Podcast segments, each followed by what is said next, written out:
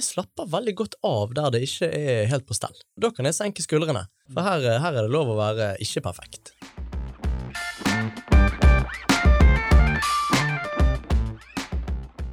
Det perfekte skaper avstand. Det perfekte er òg sånn Ja, det er rett og slett unaturlig.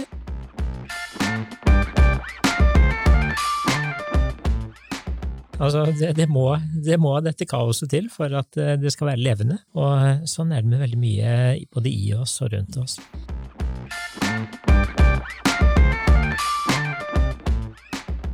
Hvis du kan la selvet ditt bli litt mindre etter hvert, og heller ha en identitet som dreier seg om å henge på noe større, ja, så står jo du mye mer stødig, og da kan du òg møte det at livet ikke varer uendelig, på en, på en, på en mye, mye mer, ja, skal man si, meningsfull måte.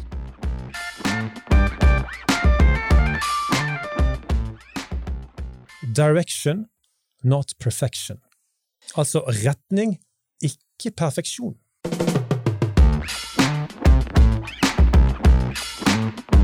Du hører Mannspodden jakten på mannsidentitet. Bli med Andreas Skjelde og Einar Helgaas på din vei mot autentisk maskulinitet.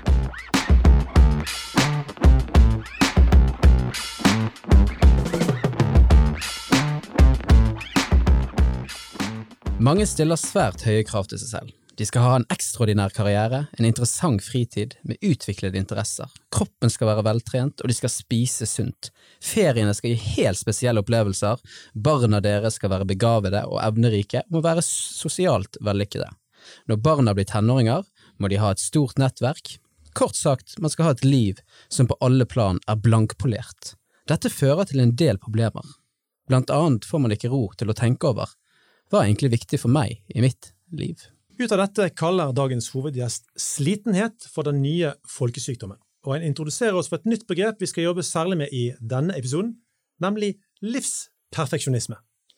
Og vår hovedgjest i dagens episode er Per Einar Binder. Velkommen hit. Tusen takk for det.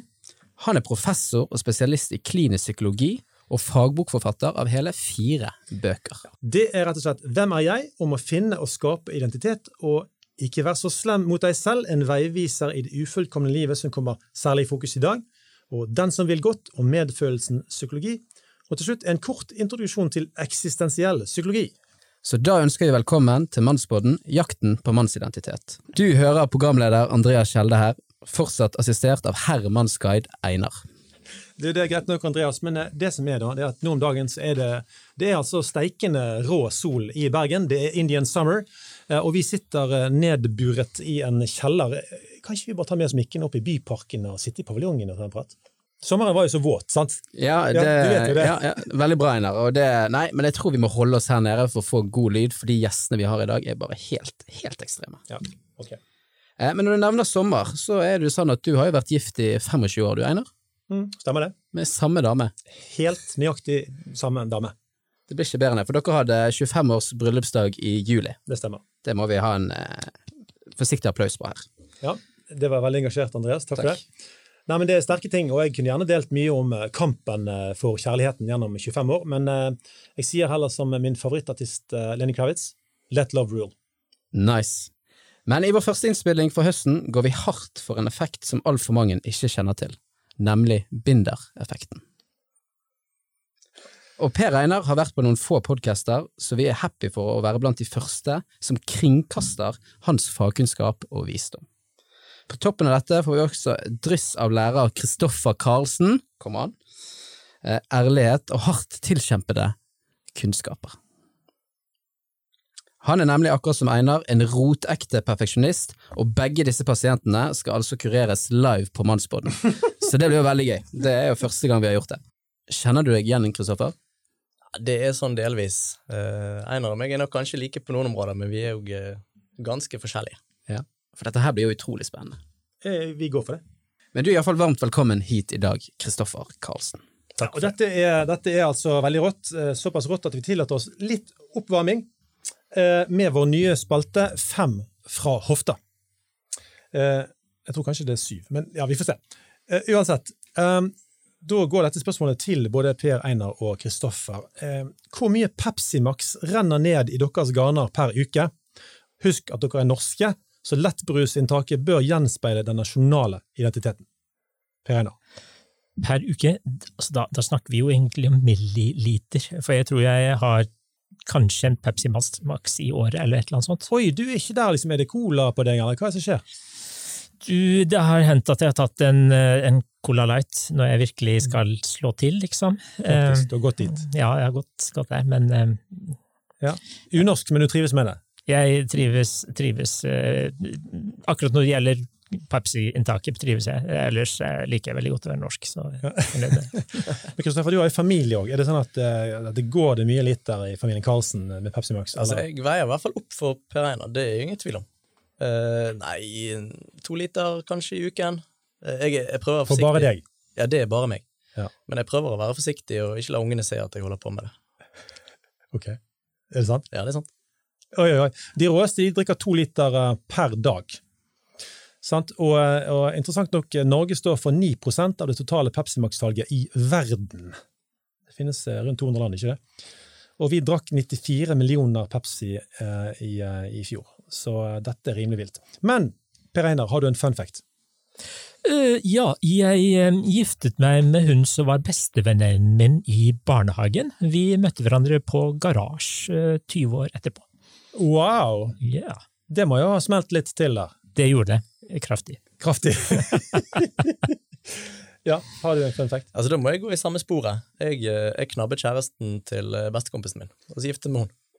Nettopp. Hva er forholdet til den kompisen? eh, Hvordan likte jeg Ja. Nei, det Vi snakker ikke om det.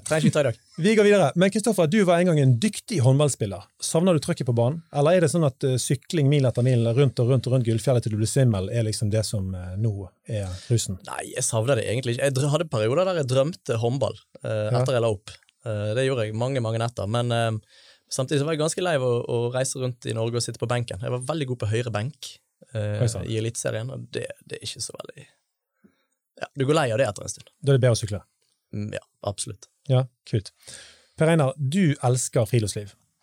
Eh, fortell kort om en av dine beste opplevelser av fred i sjelen utendørs.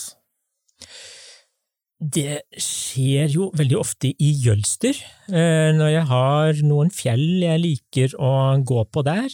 Min bestemor kommer fra Jølster, faktisk. Ja, Så der har vi en connection. Det får vi snakke om litt seinere. Mm. Men Per Einar, du har jo bodd en stund i Bergen. Du høres ut som du har flyttet fra måte, Du har flyttet til utlandet, til Bergen. altså Du har utvandret hit fra øst.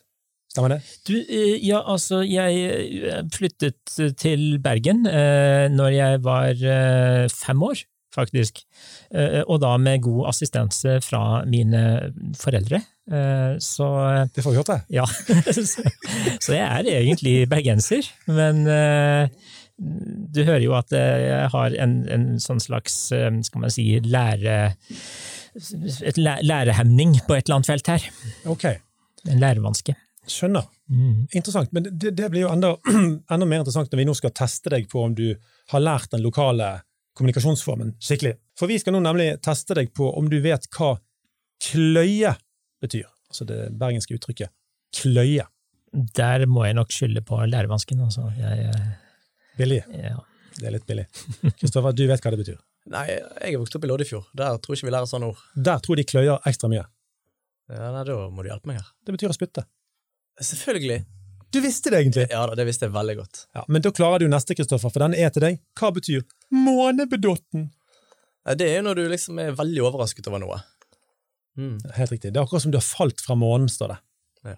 Så det er jeg tenker, altså det som er så gøy med Mannsbåten, den høres over hele landet. Eh, Og jeg synes det er viktig å, å eksportere litt, eh, litt mer av det som er særbergensk her. sant? Men eh, Kristoffer, litt kort jobb- og sivilstatus om deg. Kort. Eh, 38 år gammel. Gift. Flott kone. Tre barn. Jobber som avdelingsleder på en skole. Eh, assisterende rektor når hun er vekke. Ungdomsskole. Det er ungdomsskole. Ja, Herlig. Eh, Og til slutt, eh, Per Einar, vi skal jo gå inn på litt mer faglige ting her nå til hvert. Eh, Men forresten, du har et usedvanlig fint mellomnavn. Der, der er du veldig god, altså. Visste du at det var det mest populære navnet i Norge i 1895? det må jeg si at nå, nå lærer jeg noe her. Du er jo kommet for å Nei da, vi, vi, skal, vi skal dele her i dag. Men det er jo litt gøy. Du får ekstrapoeng for det navnet, altså. Um, men for en del år siden så hadde meg og familien min en sånn dannelsesreise eh, til utlandet. Vi møtte en del vise mennesker, og vi var veldig heldige med det, og en av disse sa det følgende. Uh, og Det kan vi bruke som oppvarming til tematikken som vi skal ha i dag, om perfeksjonisme. Hva er din kommentar til uh, one-lineren? Direction, not perfection. Altså retning, ikke perfeksjon. Det synes jeg kan ha absolutt noe for seg, for det at det er ikke noe feil i å ha ambisjoner, det er ikke et problem å ville noe, men uh, det er noe med måten du vil det på, altså om du vil det på en måte der du først og fremst skal ha det perfekt, eller om det er fordi at du vil utrette noe som du faktisk føler er viktig, som gjør en forskjell. Mm. Det som har det som har hjulpet meg med det uttrykket, da, det er jo at det går an å være på et godt spor i livet sitt, om det handler om relasjoner eller om det handler om jobben. Du kan være på et godt spor, men du trenger ikke være på det absolutt perfekte stedet.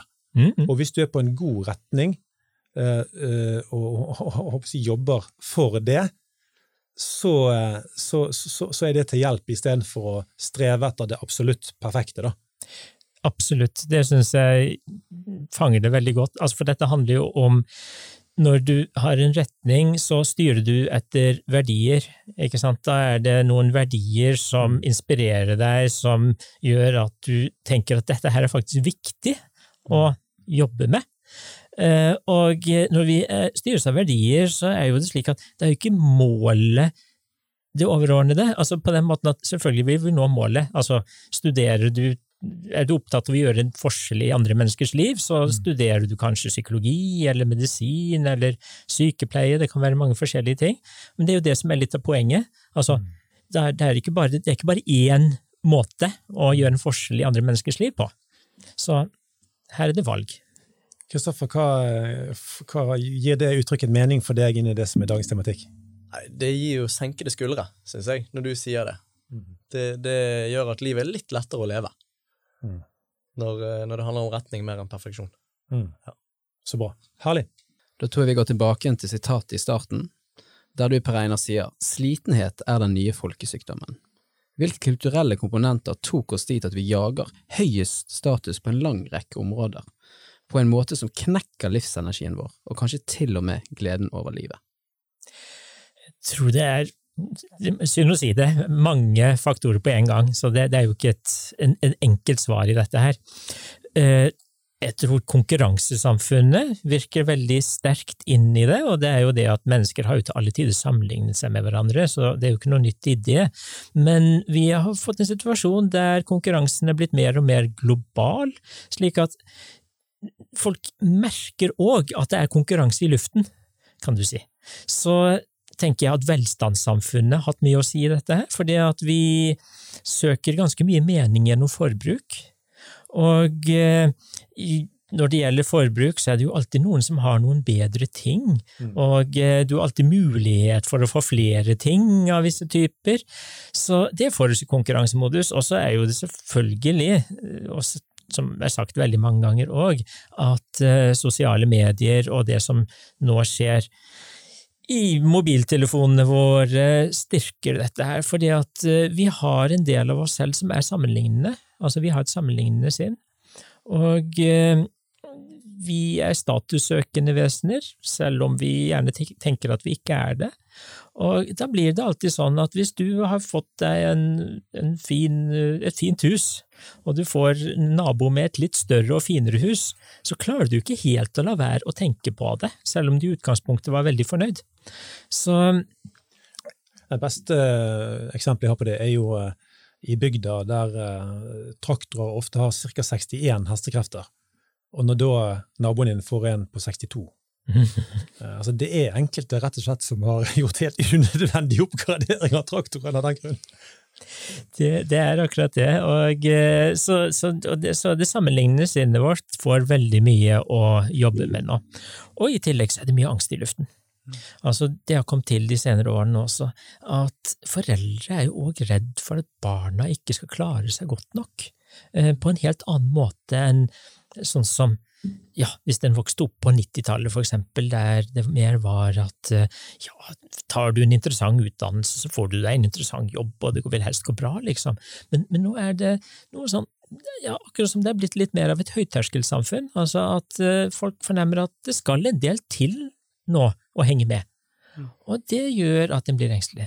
Jeg syns det høres litt sånn amerikansk ut, jeg, faktisk. Jeg sitter og hører deg si det. fordi at uh, Norge har jo vært kjent for liksom, sånn enhetssamfunn-tankegangen. sant? Alle går gjennom samme utdannelse og, og skal få sånn, i hvert fall relativt like muligheter, selv om noen, noen blir snekker og noen blir lege. ikke sant? Mm. Men USA har jo disse store forskjellene. Jeg tror vi er i gang med en utvikling som kan altså, forandre Norge, sånn at forskjellene blir uh, mye mer markante enn vi har vært vant til. da.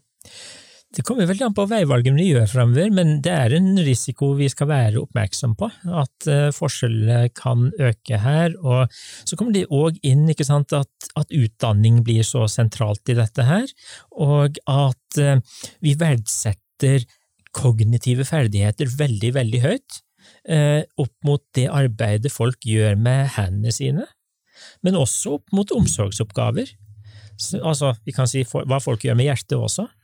Så det skaper en situasjon som òg gir utrygghet, og, og, gir noen forskjeller som vi tror kan være vanskelig for oss å leve med i lengden også. Men har disse forskjellene blitt større i senere tid, eller når begynte liksom denne her endringen, da, der man ser liksom at folk søker mer mot livsperfeksjonisme, får mer angst? Det er liksom er det noe årstall som går igjen, eller hvordan?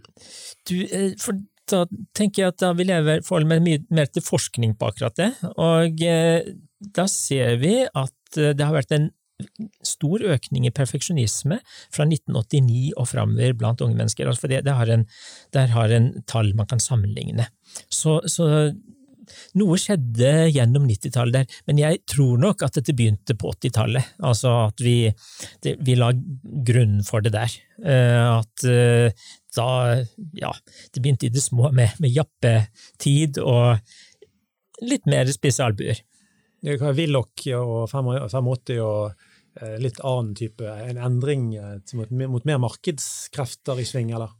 Det Willoch er jo ikke en eksponent for dette, for så vidt, men, men ja, altså, jeg tror, tror, vi fikk en annen måte å tenke på, som var mer i retning forbruk, mens man på 70-tallet var mer fornøyd med det man hadde, og kunne være fornøyd med mye mindre. Men ser en òg i forhold til dette med livsglede. Altså, du beskriver jo en sånn altså Det er jo en kampsituasjon da, om ressurser og posisjoner mm. i dette jaget som, som, vi snakker om nå.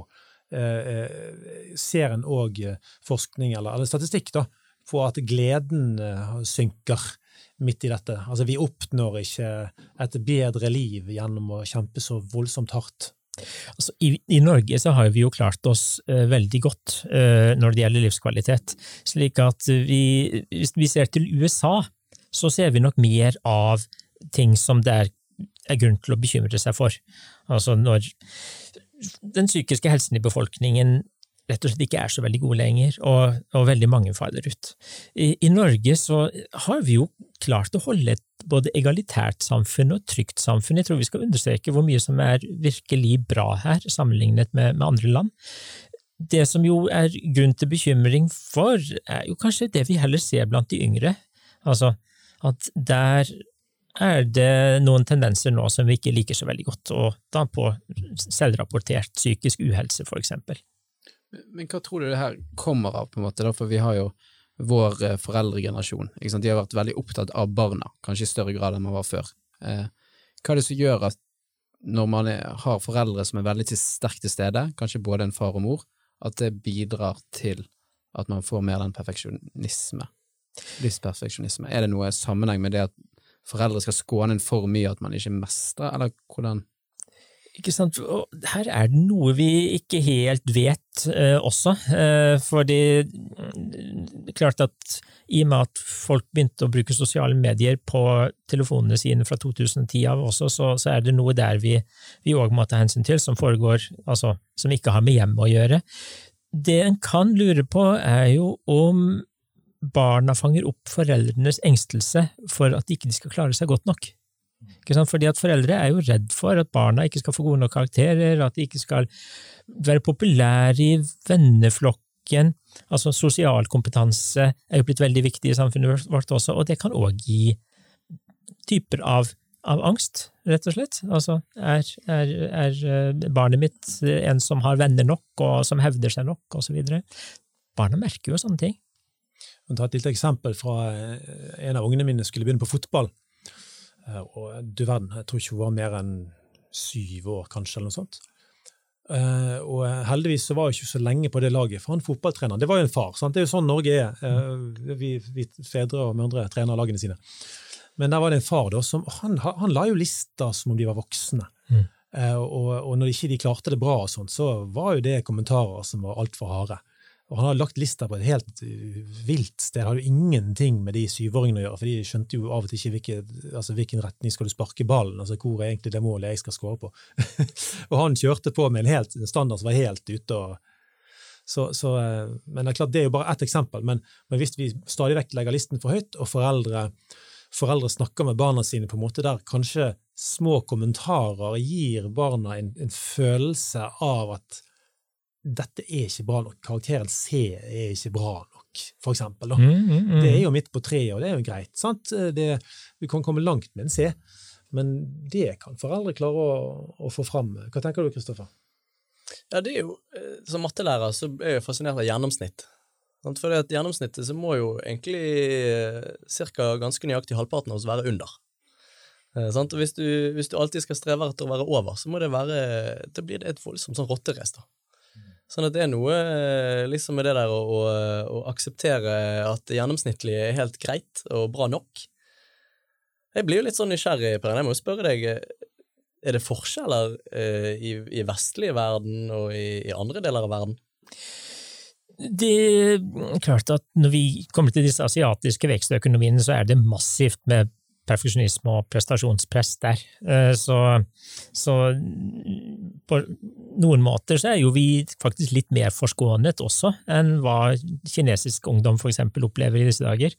Så eh, dette her er nok noe som går over hele planeten akkurat nå. Altså det, det er den globale økonomien som tikker og går. Så de stedene der det ikke er, er gjerne heller steder du ikke ønsker å være.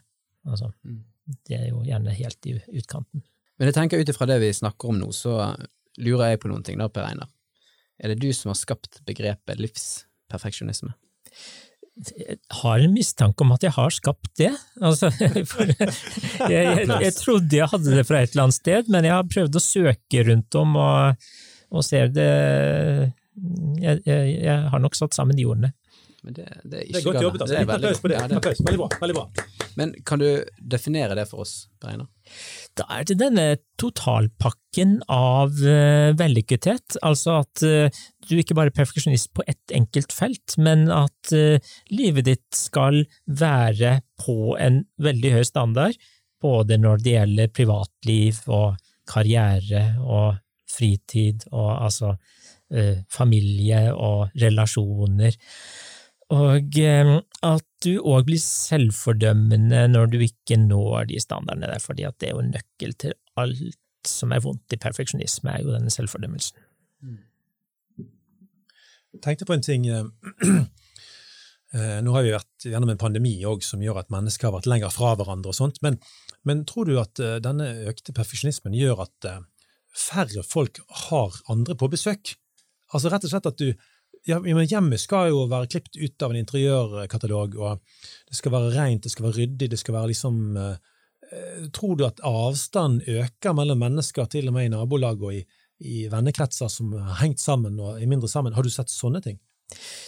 Det har vi jo ikke forskning på, men det er jo en veldig spennende tanke å følge, for det er jo en forskjell. Altså, jeg bare husker bare for noen dager siden eh, naboen vår eh, ringte på, ikke sant, og, og vi ble så altså, oppmerksom på hvordan det så ut der, og, og det var jo sikkert mer ryddig enn mange 70-tallshjem der man bare kunne invitere folk inn helt uten videre. Så mm, ja, vi, vi har nok en, eh, noen ganske høye krav til hva vi viser fram av oss selv nå. Mm. Har, altså, min kone er veldig ryddig av seg. Jeg er faktisk ganske ryddig av meg, jeg òg. Men av og til så har jeg bare tenkt så kanskje vi bare slenger noen truser ut på gulvet og et eller annet, at det ikke ser så bra ut her, for vi rydder egentlig litt sånn hele tiden. Men jeg, jeg, jeg kjenner på meg at eh, ja, hva gjør det med de andre som kommer, hvis det hver gang de kommer så er det, er det helt strigla, liksom. Jeg får en sånn, eh, litt sånn uggen følelse, samtidig som det er jo fint å være på et ryddig sted. Det der tenker jeg litt på når jeg er hjemme hos forskjellige folk.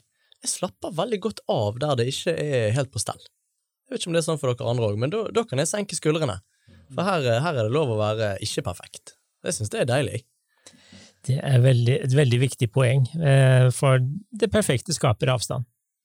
Og eh, det perfekte er òg sånn ja, det er rett og slett unaturlig. Altså det, de som skal eh, lage datasimulasjoner av eh, for eksempel.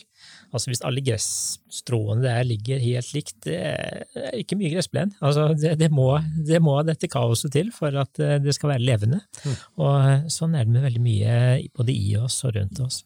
Nei, men Jeg skal slenge ut noen undiker. Det heter jo Undik i Bergen. Hallo. Hvorfor sier jeg truse? Det heter Undik. Men jeg skal slenge ut noen sånn neste gang du kommer på besøk, Kristoffer.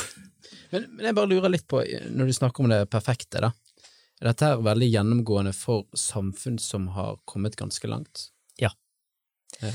Så det, det er jo gjennomgående for disse velutviklede samfunnene som der velstanden er høy, og det er jo det er kanskje en bieffekt òg, altså hvis vi nå går veldig langt tilbake til protestantisk arbeidsmoral, så er jo den strenghet med seg selv i det òg.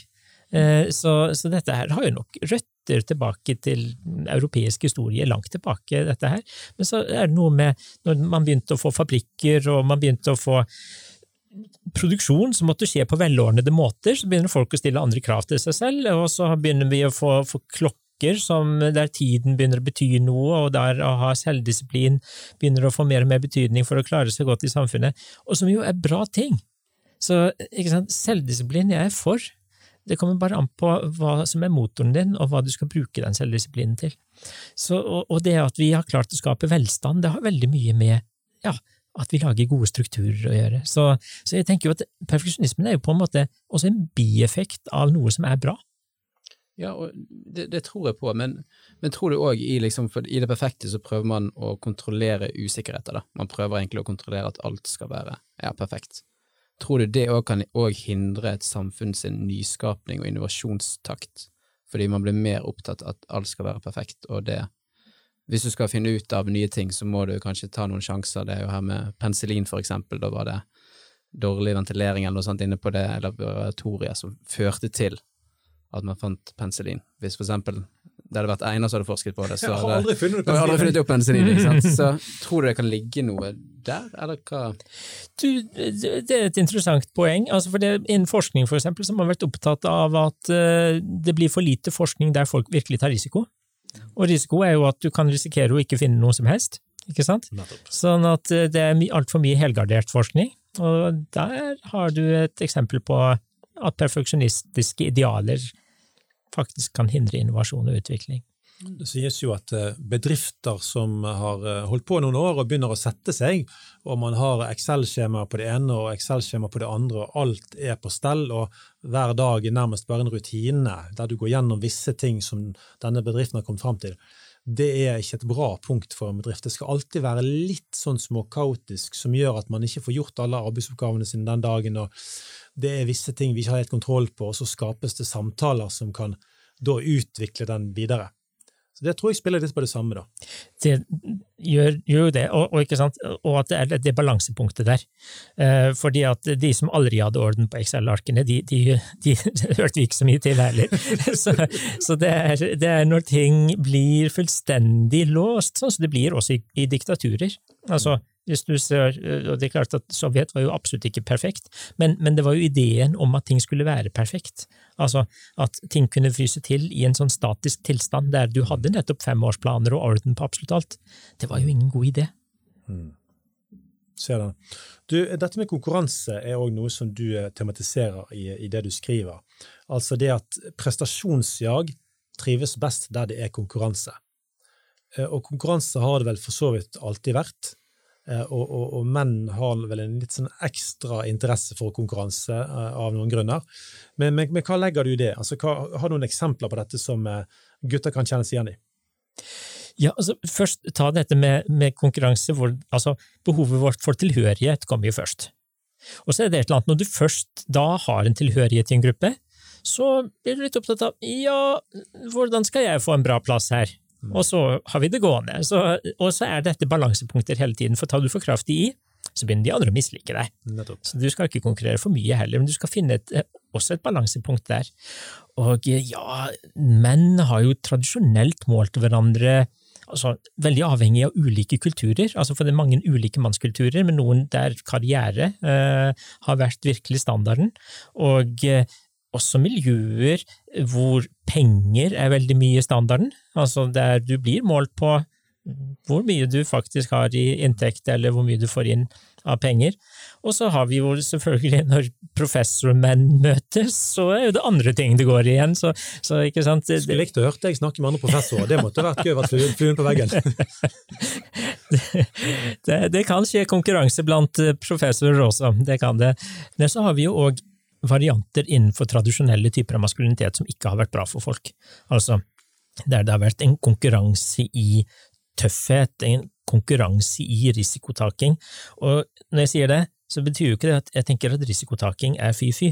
Altså, det er naturligere for en del menn å ta risiko enn for en del kvinner, altså hvis vi ser på et snittnivå. Eh, og at en del uh, typer av mannskulturer har sånne ting ved seg, det, det kan være helt ok, men, men du ser òg når det blir mer James Dean-varianten av dette her, altså å kjøre mot hverandre, eller andre typer av eh, altså måter å være på hvor en undertrykker òg noe av sin menneskelighet i den konkurransen. Hva legger du i det? Altså, hva, altså med, snakker vi jo nå om de mykere sidene av, ja. av, menneskeheten som trengs i livet? Det er akkurat det. Altså at det er òg ok å ha en, kjenne sårbarhet. Det er òg ok å kunne passe på kroppen sin eh, og ta hensyn til den. Altså, menn dør jo også av at de ikke går til doktor fordi at det er litt feminint, mm. eh, og bekymrer seg for mye over vondter og, og, ting som ikke helt stemmer. Så, så det er sider ved maskulinitet der som kan være, altså tradisjonell maskulinitet som kan, kan, være uheldig når det blir på en måte en sånn slags konkurranse om å være tøffest. Og jeg tenker liksom Konkurranse om tøffhet og sånne ting, så er det kanskje naturlig å snakke med Kristoffer fra Loddefjord. Vi kjenner jo alle til at Loddefjord er jo en tøffere bydel, iallfall. Iallfall når det kommer til å spille fotball mot dem. Det har jeg erfart. Men Kanskje du beskriver litt uh... Knokkelkamp. Knokkelkamp, ja, det ene og det andre. Men kanskje du beskriver litt Loddefjord og litt den Du har jo drevet med håndball, hvordan du ser dette med konkurranse, for eksempel. Ja, altså, et, et, Det er veldig interessant det her som vi snakker om nå. For det, jeg tror jo at vi har lett for å velge ut hva konkurranse vi er med i. Sånn, hvis det er dansekonkurranse, så er ikke jeg med. For jeg vet at jeg har ikke sjans til å konkurrere. Sant? Og jeg er ikke interessert i å vise heller at jeg ikke kan konkurrere i dans. eh, men, men innad i et type sånn idrettsmiljø? Så, så, er det litt sånn at man snakker aldri om det, men alle vet at vi konkurrerer. Sant? For du har tatt plassen min på laget, jeg vil ha den plassen. Sant? Eh, jeg må vise på hver eneste trening at jeg er bedre enn deg. Um, og, så, og, så, kan ikke vi snakke om det. Men det ligger hele tiden som en sånn undertone. Jeg tror nok det å vokse opp i, i Loddefjord sånn på 90-tallet var, var, helt greit, det. det jeg brukte mesteparten av tiden i en idrettshall, så jeg var ikke utsatt for sånn gatekonkurranse. Mm. Uh, men, um, men, jeg tror jo at vi som, iallfall som ung gutt, så måler du deg jo hele tiden. Hvor er jeg i hierarkiet? sant? Er jeg på topp nå? Er jeg midt på? Er jeg på bunnen? Men Per Einar, er ikke det helt uunngåelig? Altså du skrev noe òg i en mail til meg om at eh, altså menn ofte tenker kanskje mer hierarkisk enn kvinner, eh, og at eh, apropos Kristoffer og hans håndballag, altså det er vel egentlig helt umulig å unngå det, for å begynne der. Ja, og, og, kvinner tenker også hierarkisk, definitivt, altså, men det er ofte mer subtilt. Du, med menn så blir det mer tydelig at det er konkurranse som, som pågår. Og kanskje om litt andre ting. Og om litt, litt andre ting.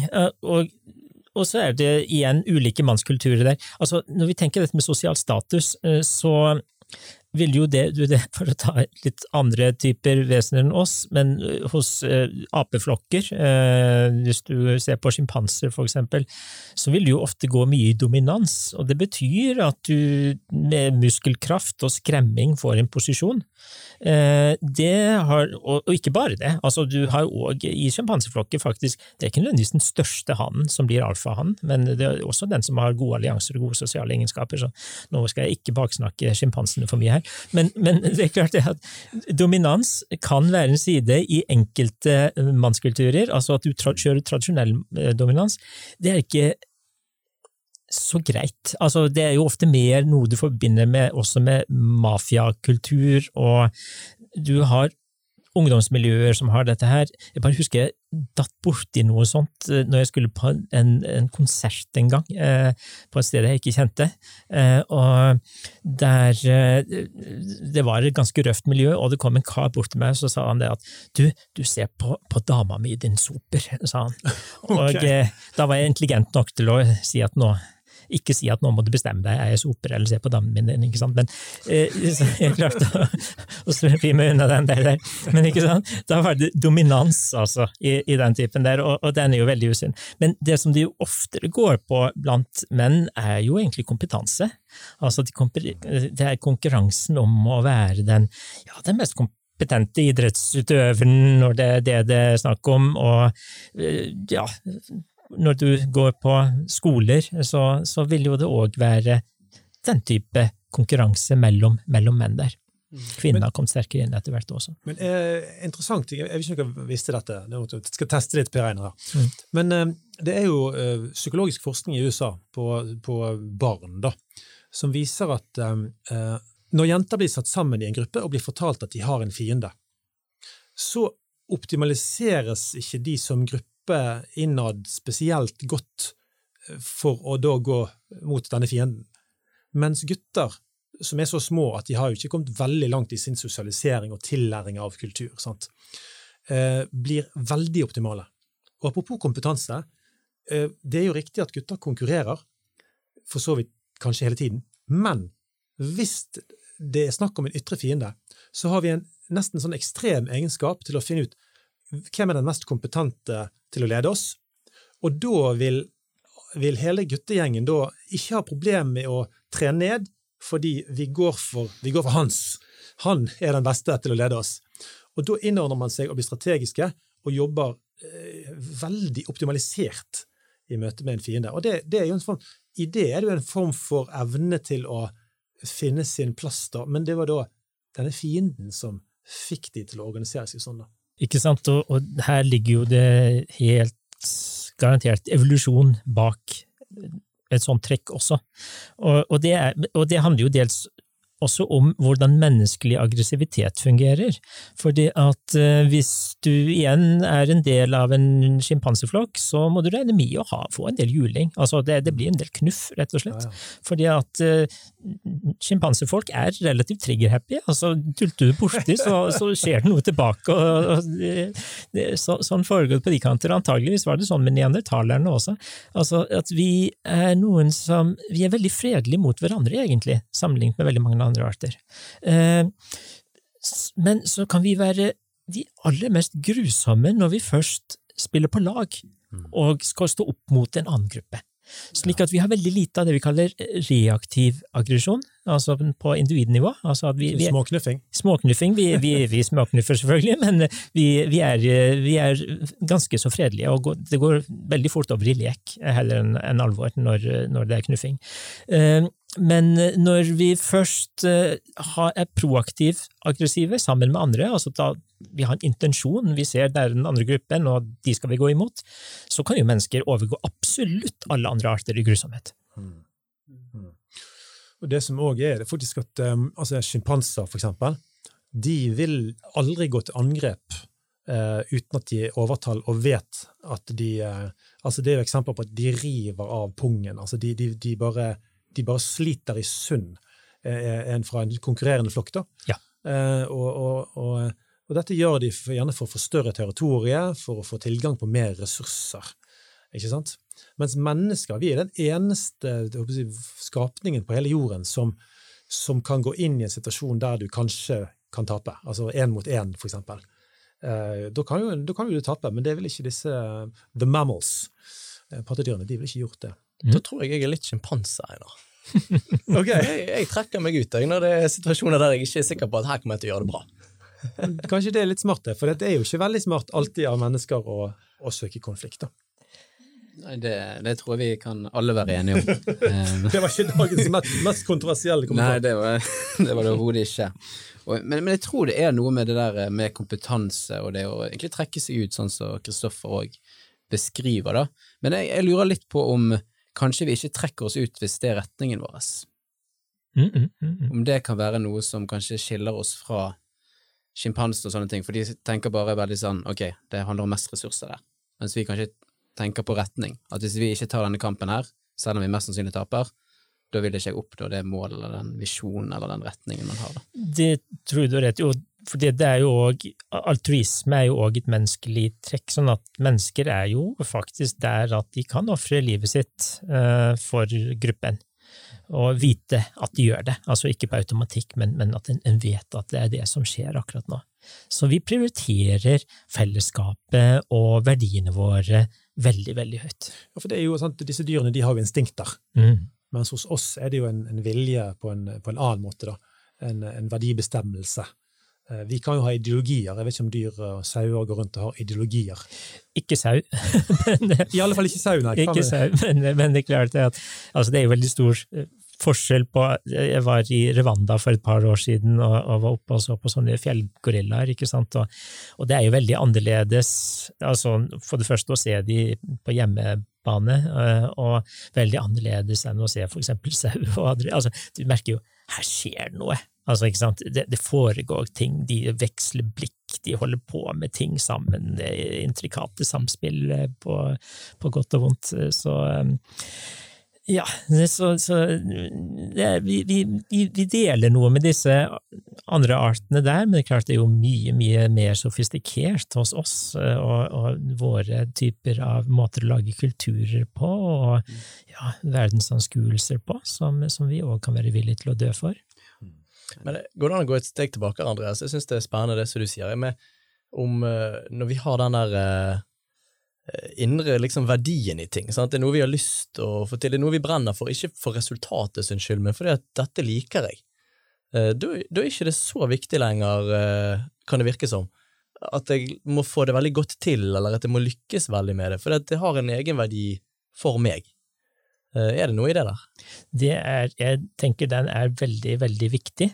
Eh, for det, sånn blir jo det også med meg som forsker. Altså, jeg kan skrive en artikkel og har lyst til at den skal kommunisere godt og skal være god, og at jeg skal få sagt noe viktig, men det er klart at eh, min mål er jo ikke at om 100 år så skal det i psykologiens historie stå et kapittel som heter Per Einar Binder. Altså, det tror jeg ikke det kommer til å gjøre, og det lever jeg veldig, veldig greit med. Mm. Så da er det noe med at det vi gjør, har jo alltid en begrenset type av betydning, men vi får gjort noe som er viktig for oss og for andre rundt oss, som gir noen gode ringvirkninger akkurat rundt oss og vårt liv.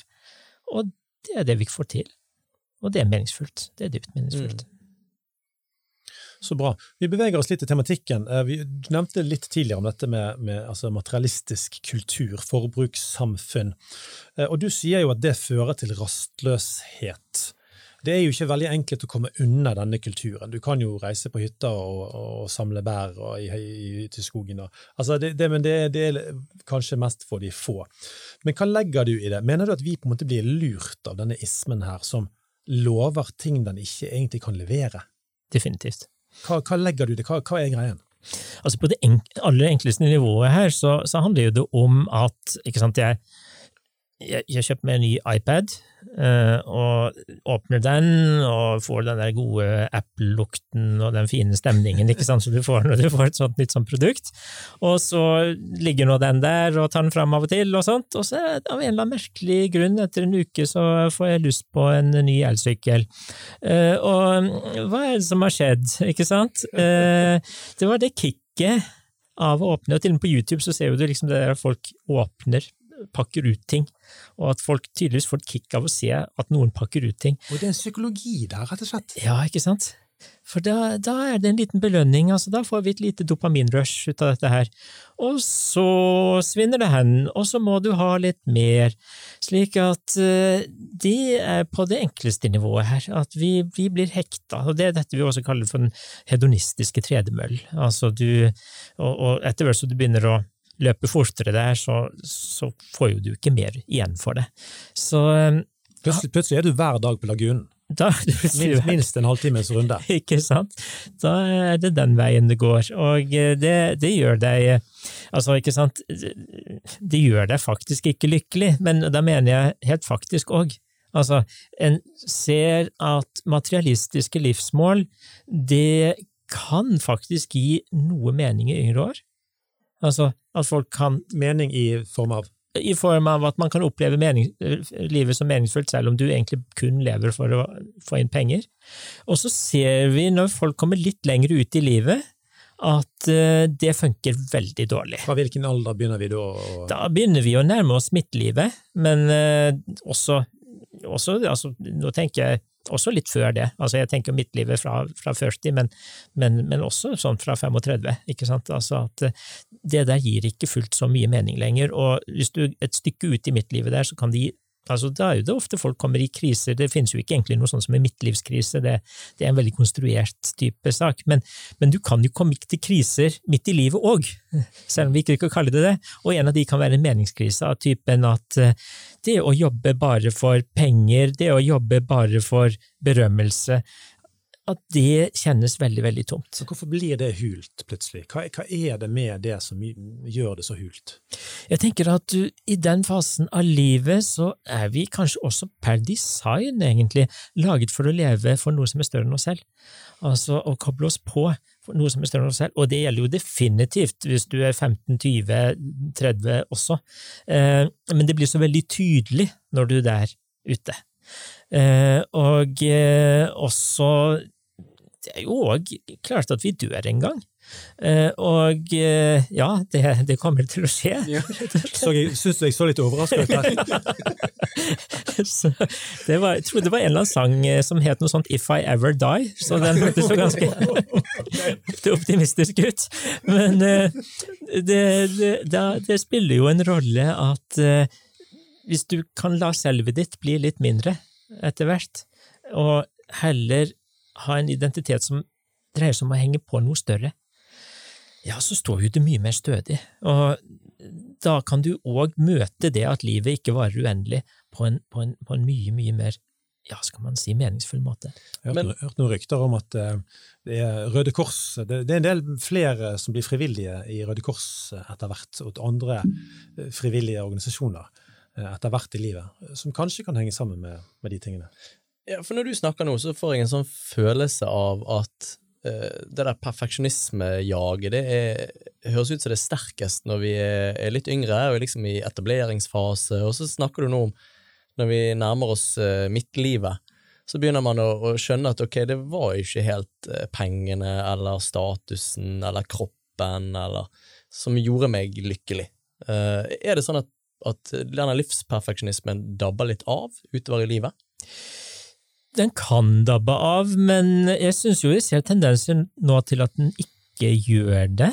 Uh, og det med huset i, huset i Toskana, eller slottet i Toskana, eller hva det skulle være, der du, altså du skal ha en sånn perfekt eh, pensjonisttilværelse der ute som skal inneholde de rette tingene og rette aktivitetene, og gjerne vise fram en stor familie der òg, og ja, ikke bare på slike ting, men også på kroppen. Altså, det er jo flere godt voksne, for ikke å si rett og slett eldre folk, som nå tar plastiske operasjoner og ja, så sommerkroppen, på en måte, den skal du nå plutselig bevare til langt ut i 80-årene, og det, det, kan være ganske forstyrrende òg. Mm, altså, det er veldig bra å trene eh, når du er uti der, men da er du igjen Hva er det som driver deg? Mm. Så det å sitte i et uh, Rødlandhus fra 70-tallet og vente på at barnebarna skal komme på besøk mens du leser avisen, det er ikke, det er ikke, det er ikke rått og kult nok lenger, det, altså?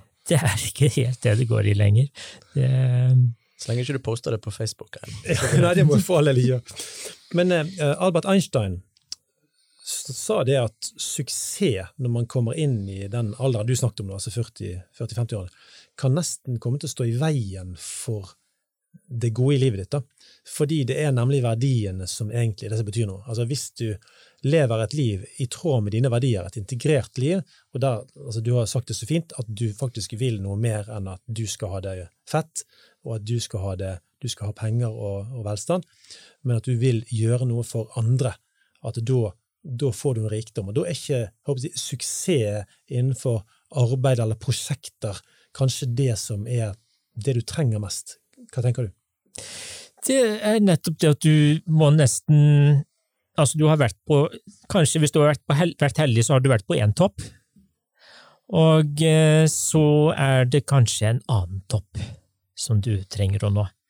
Og at den da handler om det som ja, er større enn deg, og det som handler om andre menneskers liv, og også handler om generasjoner som kommer, helt uavhengig av om du har barn selv eller ikke, men det er jo veldig mange måter vi kan bidra til ja, generasjoner som skal komme, og, og hva de skal få, få møte.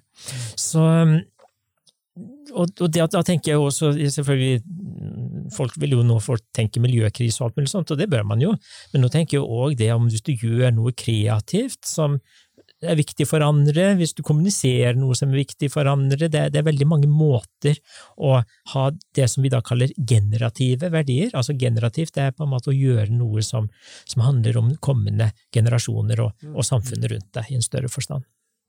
For eksempel du, Per Einar, når du bruker deler, deler, deler av fritiden din på å skrive bok. Jeg regner ikke med du har blitt rik av å skrive bøker, men det er noe tilfredsstillende med å gi videre noe som du tror kan bidra til samfunnet. Er, er, er, sant? Det er det som er min drivkraft i det. Altså, jeg, jeg skriver jo bøker fordi at jeg har, har noe jeg har lyst til å, å, formidle, så jeg ser for meg leseren, på en måte, når jeg, når jeg skriver dette her. Så, så, håper jeg det når fram. Det er, så, det er fantastisk. Ehm, men jeg har hørt at det som ofte ligger bak perfeksjonisme, er usikkerhet, eller frykt for det ukjente og at det perfeksjonistiske mennesket prøver å kontrollere ting det ikke kan ha kontroll over. Prøver man på en måte å tvinge kosmos ut av kaos? Det gir mening. Og det er klart det er en av drivkreftene. Altså fordi at uh, det ser en at noen som blir perfeksjonister, eh, har opplevd ganske kaotiske liv og overveldende ting. Ikke alle, altså, for det, det, kan vi kanskje se litt på etter hvert òg, at det finnes ulike kilder til perfeksjonisme. Mm. Men uh, for noen så er det en måte å skape orden og struktur i, i liv som har, der ting har vært uh, kaotiske og, og, kanskje også ganske smertefulle. Så, um, så, så derfor eh, er det òg viktig å ha med her at, at det er en smerte i i dette her, og ofte en måte å, å, å, å hele en smerte. Og så lykkes man jo ikke på den måten her, for perfeksjon er jo ikke en måte å hele en smerte på. Ser du at f.eks.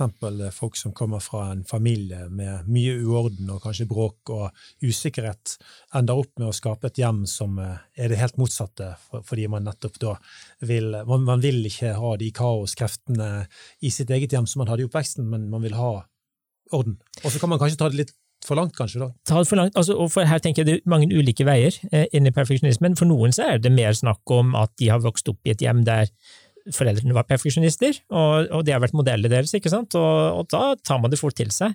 Og andre igjen har mer merket forventningene mot seg i den retningen der, slik at, og noen igjen har merket mer engstelsen for hva skjer hvis jeg ikke får det til, da? Altså, ikke sant? Og det blir jo motoren hos noen. Og så har vi altså de som viser seg at òg en gruppe av perfeksjonister har hatt ganske sånne vonde barndomsopplevelser, og kanskje flere vonde barndomsopplevelser, og ser det at de må skape en struktur i livet sitt, de må skape orden i livet sitt, og det er en veldig bra ting, men så er det noe med at det kan bli for mye av en god ting, og så gir det seg utslag i perfeksjonisme i stedet. Men hvis man har opplevd dette her, er det noen måte man kan lindre smerten på en god måte, eller har du noen tips inn mot det? Det, det har jeg. Altså, det jeg tenker her, er for det første, da må vi se litt på hva, hva er perfeksjonisme for noe. Altså, for Du har på den ene siden at du strever, streber i retning av noen mål som du syns er, er veldig viktige, og som da handler om at ting skal være helt, helt på en gitt måte. Altså det er det som skiller perfeksjonistiske mål fra andre mål. Og eh, så er det dette her at du gjerne kjefter en god del på deg selv. Du blir ganske selvfordømmende. Eh, du kjefter på deg selv for å gå i gang med ting, og du kjefter på deg selv selvfølgelig om du mislykkes, men så ser jeg òg det at veldig mange perfeksjonister de er òg der at de, de får jo ikke ro når de lykkes heller. Ikke sant? Det er eh, Den, den er stygg, den. altså. Den er veldig vond, ikke sant? Altså, og det er jo det noe med at ikke avslørt ennå, på en måte. Eh, kan det være, eller Hva legger du i det? Det er en god del som da opplever at ok, nå har jeg klart meg alle, gjennom alle disse eksamene her uten å bli avslørt. Eh, noen har den, og, så, og noen har mer òg den at nei, nå, neste klarer jeg bare ikke. Det ikke? Altså, og, og, noen har òg den at det, det, ga ikke den tilfredsstillelsen heller. Altså, fordi at det, det, det er jo ikke Du får ikke det gledesrushet heller, og det varer ganske kort. Så og det har jo litt med at det ikke er verdiforankret heller. Altså det, det, handler ikke om at det er ting som er viktig i livet ditt, men det handler om bare om at det skal være perfekt. Og, og da blir det egentlig mer å krysse av på skjema. Så litt tilbake til hvordan man kan møte dette her på, så tenker jeg at det trenger, trengs massive doser av selvvennlighet. Altså massive doser. Kanskje litt større doser enn man klarer å forestille seg umiddelbart. Sånn en nådestraum for seg sjøl? Rett og slett. Kraftfullt. Altså, hvordan skaper du så mye vennlighet, eh, Per Einar Binder? Det der var veldig mye vennlighet, altså. altså hva er på en måte, Når du tenker perfeksjonisten i sin hverdag, hvordan kan du vasse i, i så mye godhet? Det, når jeg har hatt kurs for perfeksjonister, så har jeg begynt veldig varsomt. Så hvis du kan forestille deg at du har en venn som har gått på trynet og ikke har det så bra, hva er det da du pleier å si til denne personen, og ja, hvilken måte er det du pleier å si det på? Legg merke til det, ikke sant? Og så går det an å forestille seg en situasjon der du selv har gått på trynet og ikke har det så bra. Hva er det da du pleier å si til deg selv? Idiot. Ja, det er to ganske forskjellige ting eh, som går inn i hodet i de settingene der. Der går det i, i ganske forskjellige ting. Er du tøff med deg sjøl, Kristoffer? Ja, det skal jeg love deg. Tør du å si hva ord du sier? Ja, det går jo mye sånn idiot. Eller klovn, kanskje. Klovn, ja. Eller for en tulling. Ta deg sammen. Hvordan er det mulig?! Ikke Ja, nei, sant? det er mer rettet rett på meg hvordan det er mulig det sier jeg til ungene, men er tøffere ord til meg sjøl. Fortell meg en ting da. På vei hit i dag, jeg hadde noen syke tunge sykkelbager og et, et fotostativ og mye greier. Skulle kjøpe noe mat på butikken, sånn at vi skal ha litt å knaske på i peisen. Og så tok jeg all den galskapen tilbake igjen på sykkelen, så skulle jeg sykle. Og så stoppet bare sykkelen helt opp. Jeg hadde glemt å ta av låsen. Jeg har aldri opplevd det før. Og låsen var, han var helt kjørt oppi inni girsystemet. Oi, Idiot. Og jeg bare sier 'hvordan er det mulig?' Så feiler deg! Et eller annet sånt, sa jeg sant? Yeah. til meg sjøl. Jeg, måtte- jeg ble jo skamdritten på hendene, full av olje når jeg kom bortover hit. sant?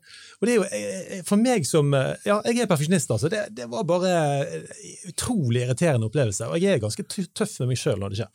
Men, men eh, de der følelsene der, de har vi jo sikkert alle sammen. Er det det deres er skam? En av de er skam. Altså, ikke sant? For den, indre kritikken, for det er jo den vi snakker om nå, ikke? Altså, og den har to spesialer. Det ene er å skape angst, og det andre er å skape skam. Slik at, eh, ikke sant, eh, du din idiot, aldri klarer du å få til, og alltid skal du drite deg ut på den måten, og sier sånne ting, og også med at du, du er ikke noe særlig, og du er en pingle, og du er altså ah. Sånn holder den skamkritikken på, altså den skam, økende indre kritikeren, og så har vi en, en angstøkende, og den er pass på. Pass på nå. Dette kan gå galt. Nå kan du komme til å stryke. Hvis du nå begynner, og hvis du da stryker, så kommer du til å stryke en gang til. Og så kommer du til å stryke enda en gang. Og så må du søke om en fjerde gang, og så dumper du ned til kullet under, og så blir han raringen for kullet over, osv. Altså, da, da har vi en sånn angstspiral gående der, og så ender du opp ugift i en, en, en, hybel, et eller annet kjellerhybel et eller annet sted, ikke sant, uten jobb og uten muligheter. Altså, det er sånn som ruller i folk når den angst, indre kritikeren, genererer eksamensangst. for altså, å ta et sånt Du har lagd flere ord enn livsperfeksjonisme. Du har lagd ordet katastrofering. Er det Det- det vi snakker om nå? Det, ja, det, det, det, det jeg skal ikke ta hele æren for ordet, men det er det vi snakker om, definitivt. Ja, ok. Men uh, det vi ser her, er jo at uh, dette med perfeksjonisme, vi går mot en avrunding her nå, det er For det første så snakker vi om at det angår en hel kultur. Mm. Og det du mener å ha observert, og du har jo egentlig ganske gode indisier på dette, det er at vi er en strebende kultur. Eh, og, og, og du har gitt oss eh, noen tips her. Vi har lyst til å fortsette i en episode til, men, eh, men det er helt glimrende det vi tar opp her. Og jeg tror òg det som Kristoffer snakker om fra sitt liv her, som vi også skal gå mer inn i, det at vi, vi, vi får, vi, er tøffe med oss sjøl. Og du skriver altså denne boken 'Ikke vær slem mot deg selv', og prøver å hjelpe oss til å gå inn i denne nådestrømmen. At vi faktisk ikke bare er snille mot andre, men vi skal faktisk være snille mot oss sjøl. Og, og, og det som er Jeg har lyst til å, bruke det til slutt, for det, det er i, Vi har jo eh, gjort litt eh, undersøkelser på forhånd her, og sett litt på tingene du har gjort. Det å finne roen i det ufullkomne, det er den, den setningen som har truffet meg mest av det jeg har sett på det du har gjort. Det å finne roen i det ufullkomne. Kan ikke du nå helt til slutt bare si litt mer om hva som ligger i det? For det, det, da høres det ut som, Kristoffer sier, ja, nå falt skuldrene ned. sant? Mhm. Retning, ikke perfeksjon. Sant? Nåde, til og med. Til og med nåde for deg. Ikke bare for ungene dine og konen din, sant? men til og med nåde for deg. Hva ligger i, i, i, kjernen av det med å finne roen i det ufullkomne, Per Einar? Da tenker jeg at Altså, det, det ligger så mye i det, men det ene er at no, ubehag må òg få lov å være der. Ikke sant? Altså, at uh, ubehag er her i livet. Og vi kan ta det litt opp mot motsetningen nå. La oss si at du prøver å ha en perfekt middag. Altså, du inviterer vennene til en perfekt middag. Ja, da vil du merke at risen kanskje ikke var helt riktig, og at musikken den traff ikke helt stemningen. Temaene ble jo litt kleine, egentlig. Altså, dette her fløt ikke helt, hva? Nei, nei, på ingen måte. Ikke sant? Så, eh, så eh, opp mot de dagene du virkelig har hatt det kjekt, da. Altså, da fikk bare ting være sånn. Eh, slik at det, det perfekte er jo også en fiende av gleden, kan du si. For gleden den forutsetter en del kaos, og at et På det mellommenneskelige planet også. Eh, de menneskene du virkelig liker og er glad i, har ikke de et par ufullkommenheter? Altså, hvordan er det hvis du skulle forholde deg til en som bare var aldeles perfekt? Altså, som fikk til alt, hadde komplett perfekte sosiale ferdigheter, kunne beherske alle tema. Du hadde kjent på en avstand. Så jeg hadde en lærer som sa det sånn, hun beskrev det om en person, altså han må ha en feil som vi kan elske ham for. At eh, det er en del av bildet, det òg. Ja. Hæ. Så bra. Det har vi sagt tidligere i Mannspodden òg. Vi hadde jo en sånn spalte der vi fortalte om alle mulige merkelige ting med oss to. da. Kanskje vi må ta den opp igjen etter hvert, for jeg har begynt å samle opp litt. eh, Jeg har en fin liste på det. Men det at, det at vi rett og slett eh, Det er gjennom svakhet mennesker egentlig kobles sammen. Eh, Det er, de, det er vel veldig få forunt. Hva tenker du om det, Per Einar? Det er vel veldig få forunt å kunne knyttes sterkt sammen som mennesker bare i styrke. Da blir man ikke virkelig knyttet, ikke sant? Fordi at når det virkelig er et dypt vennskap, så er det òg det at en, en har sett hverandres sårbarhet også. Ikke sant? Altså, så, så å kunne se hverandre i hverandres sårbarhet også. Det, det er en perfekt avslutning, for å si det sånn. Rett og slett. Per Einar og Kristoffer, tusen tusen takk for at dere ville komme til Mannspodden. Det har vært en stor glede at dere både har delt fagstoff og personlig fra livet. Yes, vi tror dette er nyttig når vi skal bygge videre et, eh, et norsk samfunn sammen, der folk får puste, der vi kan få være oss sjøl, der det er lov å være vanlige folk i allemannsland, at ikke vi går rundt i sånn ingenmannsland hver for oss og tror at jeg er, den, jeg er helt spesielt kjip og er vanskelig og, og, og får ikke ting til. Eh, Så Andreas, vi må rett og slett be folk om å dele dette stoffet. Dette var jo så bra. at Kan ikke folk dele det med liksom, folk de kjenner? Sånn, tror du? Jo, jeg tror det er viktig. Altså, del Mannspodden gjerne med fem andre menn du kjenner, og hvis det kommer noen kvinner på din vei, så kan du hviske det i øret. De vil jo nemlig høre våre hjerteslag, Einar. De vil det. Jentene vil høre det, skjønner du. Eh, og bli gjerne med i Facebook-gruppen vår. Der får du mer fagstoff, og vi har mer artikler, og vi har mer eh, kommentarer, og der vi deler egentlig Ja, der deles det indre liv eh, i, i gjengen som følger Mannspodden. Eh, og fortsett å skrive reviews og gi oss stjerner både på Apple Podcaster og Spotify. Det tar jo bare et lite minutt, så får vi enda flere tilhørere. Eh, Og det tror vi er bra, eh, fordi vi jobber med noen viktige ting rundt det med å være mann. Da takker vi for oss på rumensk. Lærreveder. Kanskje fint. Mens du venter på neste episode, del gjerne Mannsbåten med fem andre menn, så de kan koble seg på jakten på mannsidentitet i en kjønnsnøytral tid. Hvis du ønsker å lære enda mer om denne tematikken, følg Mannspodden på sosiale medier. Vi snakkes.